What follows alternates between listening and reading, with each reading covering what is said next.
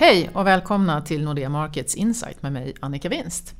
Vi släppte nyligen en konjunkturrapport och idag har jag med mig min kollega Victoria Olesson och den hade vi tänkt att prata om. Välkommen Victoria! Tack snälla! Annika, rubriken på konjunkturrapporten var amerikanska svallvågor. Mm. Vad syftar ni till då? Ja, Frågan är ju hur mycket amerikansk ekonomi smittar eh, och sen så småningom hur mycket amerikanska eh, räntehöjningar kommer smitta. Men inledningsvis är det ju positiva svallvågor, det vill säga det går väldigt bra för USA.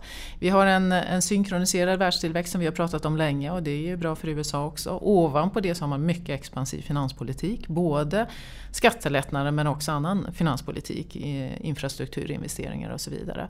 Och det här gör att vi har en, en bra skjuts i ekonomin, man växer med nästan 3 i år. Så just nu är svallvågorna positiva. Och Nästa vända är ju då eh, att man börjar få lite löneinflation. Amerikanska centralbanken höjer räntan och då är ju frågan, kommer det också smitta ut eh, i världen? Och det pratar vi om lite grann i rapporten. Ja, för vi pratar om att vi, vi tror på tre räntehöjningar i år. Vi, vi eh, ser från Fed tänker du? Från Fed, precis. Det, vi har ju haft en så det blir fyra. Ja, exakt. Ytterligare tre. Och mm. sen så pratar vi, eller så ser vi nu att, att statsräntan eh, den nådde upp till över 3% här i veckan eh, i USA. Varför tror vi på ännu fler räntehöjningar? Varför är vi inte klara med räntehöjningar från USA? Nej, eh, vår bedömning är att vi får fyra då totalt i år och ytterligare tre nästa år. Så då kommer man över en, en eh, Fed Funds Rate på också över 3 Och skälet till det, det är ju att vi äntligen börjar få inflation. Att centralbankerna har hållit så låg ränta runt om i världen det är ju för att man ska få upp inflationen. Och många ekonomer har varit fundersamma över varför man inte får löneinflation. Och lönerna ingår inte i inflationen men det är en viktig del, det påverkar inflationen. Och nu börjar man faktiskt se lite löneinflation i USA och det är skälet till att eh, centralbanken då höjer räntan så mycket som den gör. Däremot så ser vi inte det i Europa och Sverige. Mm.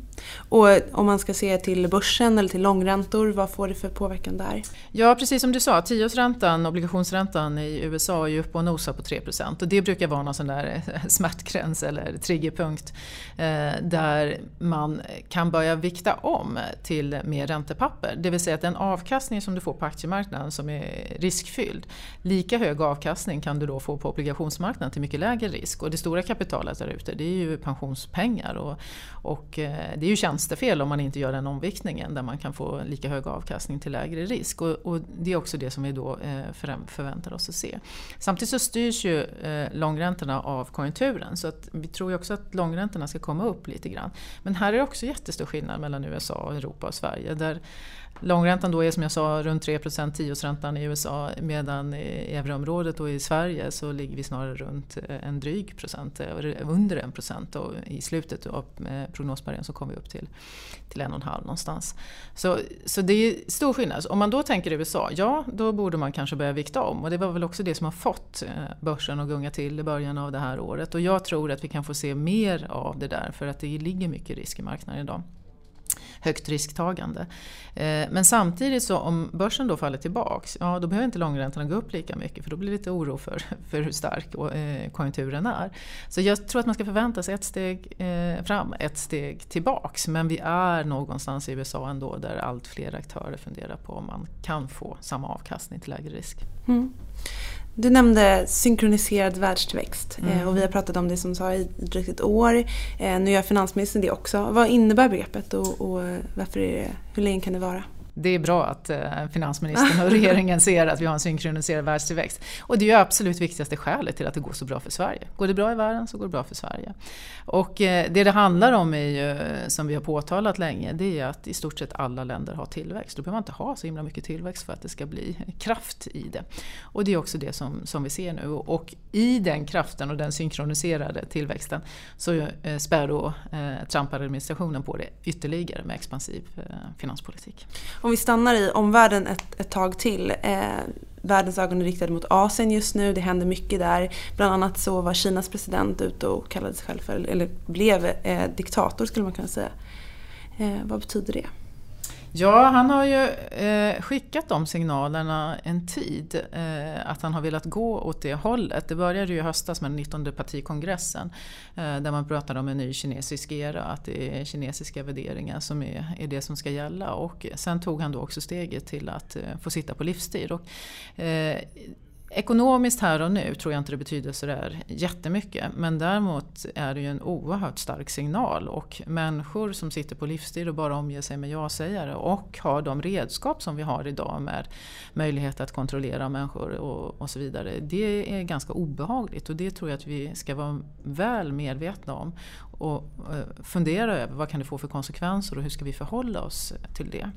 Däremot som jag sa, så ekonomiskt här och nu så, eh, så spelar inte det eh, så stor roll utan det är mer signalvärdet. Vad händer när man har den makten tillsammans med, med AI och de verktyg som, eh, som vi har idag. Så det kommer inte påverka världstillväxten negativt på kort sikt? Vår, nej, då ska det ju bli någon, eh, någon större konflikt eller så vidare. Och just nu är det ju lite lugnare i flera av de här konflikterna. Vi har haft Nordkorea och USA till exempel där man nu haft, eh, man har träffat, eh, Nordkorea och Sydkorea har träffat varandra och så vidare. Så det, det är snarare så att det är lite lugnare. Men jag tror inte att man ska vara helt säker på att det där håller för evigt. Utan här får man vara lite på sin vakt. Men, men vår prognos är ju förstås att kinesisk tillväxt växer lite långsammare långsamma framöver. Men det handlar ju om att det är en mogen ekonomi så det är fortfarande en, en god tillväxttakt. Mm. Om vi istället vänder blicken till våra grannar i euroområdet. De eh, njuter just nu av god tillväxt. Är vi eh, i oron för sprickor länderna emellan i euroområdet över?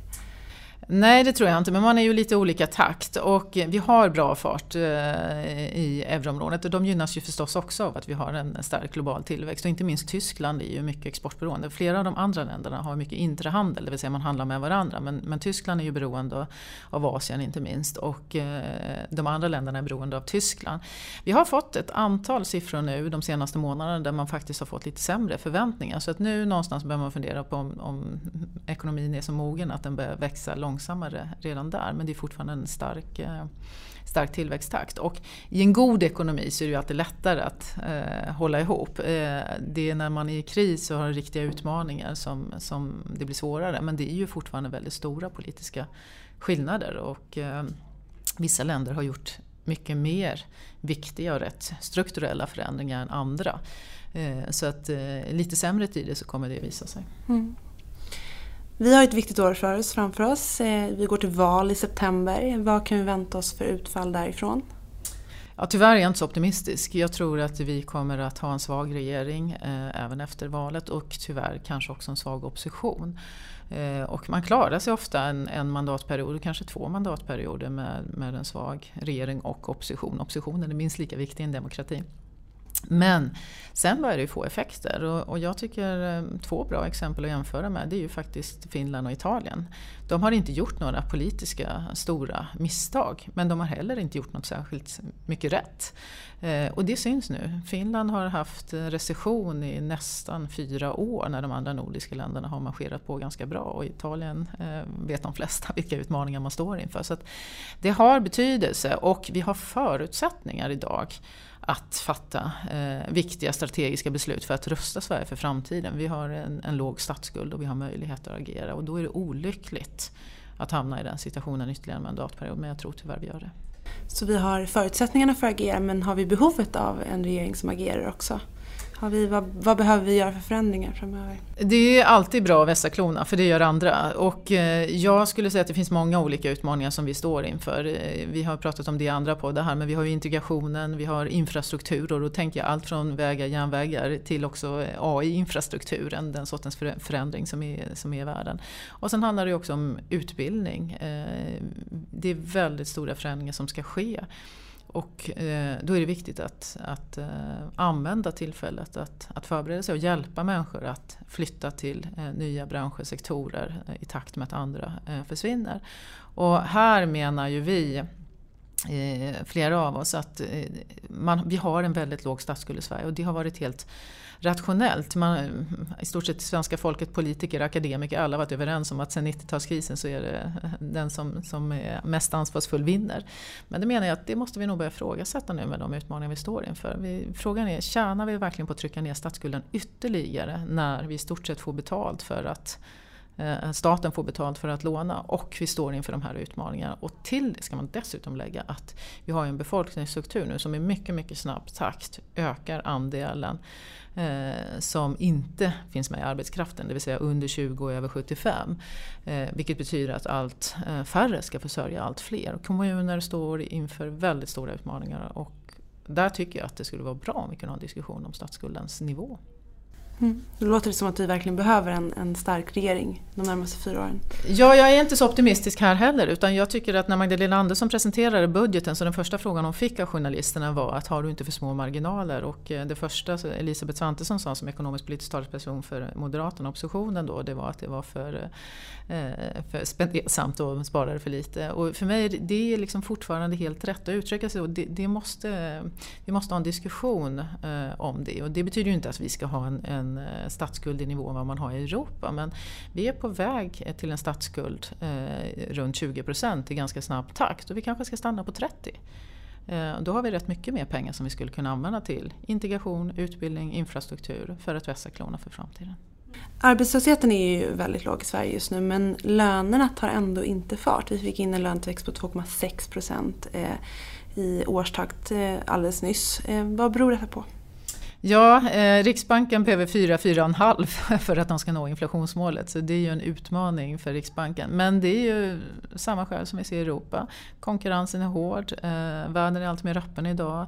Eh, det betyder att eh, tyskarna konkurrerar med eh, asiater och vi konkurrerar med tyskarna och man tappar jobb om man, om man höjer lönen allt för mycket och därför så ligger det så har vi ingen löneglidning alls i stort sett, vilket är ganska anmärkningsvärt när vi har så tajt eh, arbetsmarknad. Men det är ju en utmaning för Riksbanken. Mm, ja precis, du säger att det är en utmaning för Riksbanken och i konjunkturprognosen så sköt vi också fram vår prognos på när första höjningen kom. Mm. Vad ligger till grund bakom det? Om man ska tro Riksbanken, eh, och det får vi väl ändå utgå ifrån att vi ska göra, eh, så skickar de ju väldigt tydlig signalen att det är 2% inflation som gäller till varje pris. Eh, och om man ska nå 2 då, då blir det svårt om man höjer räntan.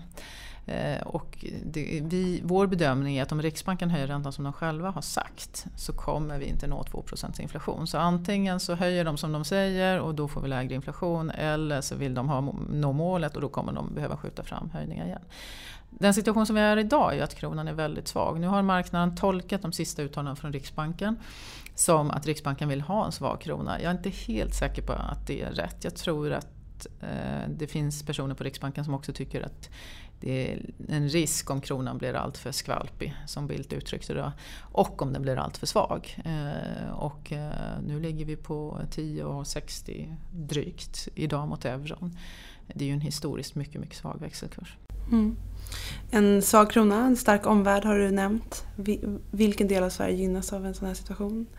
Det går bra för exportsektorn just nu eh, och det kommer det göra ett tag till. Men vår bedömning är ju att svensk ekonomi kommer att bromsa in och att vi har en tillväxt under 2% vilket är mycket lägre än vad vi haft de senaste åren och inte minst kvartalen har varit uppe och nosat på 4-5 eh, Och det handlar om inhemsk ekonomi som, som växer långsamt. Men bostadsmarknaden är en del av det. Husen blir lite mer försiktiga och eh, investeringar, bostadsinvesteringarna väger ju också tungt här. Mm. Så om du fick eh, ge råd till Riksbanken eller om du fick agera i deras ställe, vad, vad tycker du att de borde göra istället? Vi ser ju att eh, hushållens skulder fortfarande ökar i snabb takt. Eh, så att, och jag har ju varit kritisk länge till att man sänkte under noll och att man använt sig av kvantitativa stimulanser som man har gjort. Men man kan ju inte byta fot snabbt. Så jag skulle, hade jag suttit där så hade jag skickat signalen nu att nu ska vi byta fot. Så att marknaden och mannen och kvinnan på gatan eh, förstår det. Och sen hade jag höjt mycket, mycket försiktigt för att hushållen är räntekänsliga idag. Och, eh, man kanske ska ta tio punkter eh, på varannat möte eller kanske så lite som fem punkter på varje möte. Eh, för att liksom för, folk ska förstå att det är inte 25 punkter nu i, i flera steg utan vi, vi försöker att, att gå ifrån den här minusräntan men mycket försiktigt. Mm. För det, du pratar om hushållens kredittillväxt. Vi, favoritämnet i Sverige är ju bostadsmarknaden just nu. Har priserna fallit klart där? Vad, vad tror vi? Vår bedömning är ju att priserna stabiliseras men stabilisering för mig betyder ju att de kan gunga lite upp och ner. Det är ju liksom inte en, en rät linje här utan eh, det kommer att komma en del negativa signaler och eh, några lite bättre. Jag tror inte vi får några nya regleringar i närtid. Det är väl den signalen Finansinspektionen skickar. Däremot tror jag att vi kommer att se bostadsutvecklare som får problem och, och kanske till och med behöver gå omkull, inte kan betala för sig. Och då skapar det en nervositet i marknaden. Sen tror jag att det finns stora byggföretag eh, som kan plocka upp dem och köpa upp dem och, och fixa till det. Men liksom just när du är i den situationen så blir det läskigt. Och det, då stressar det hushållen också. Skulle kunna nämna lite om kronan. Eh, kronan du pratade om att den låg på 10,60 ungefär mot euron just nu. Eh, och vad händer om, om vi får rätt i vår prognos att vi inte höjer riksbanksräntan eller räntan förrän i slutet av nästa år? Ja, vår bedömning är att vi kommer ha en svag krona och det får man vänja sig vid. Så I prognosen ligger den på 10. Men idag är den ju ännu svagare än, än det. Så nu är det viktigt hur Riksbanken uttalar sig. Hur, hur kommer de kommunicera? Jag tror att Riksbanken är lite överraskad att marknaden har eh, handlat kronan så svag som vi gör idag. Men det ska bli väldigt viktigt att se. Då tror jag kanske att vi ska stanna där. Tack så mycket Victoria och tack alla ni som har lyssnat. Eh, vi kommer tillbaka och inte minst kommer vi behöva prata mer politik och val eftersom vi har det efter sommaren. Tack!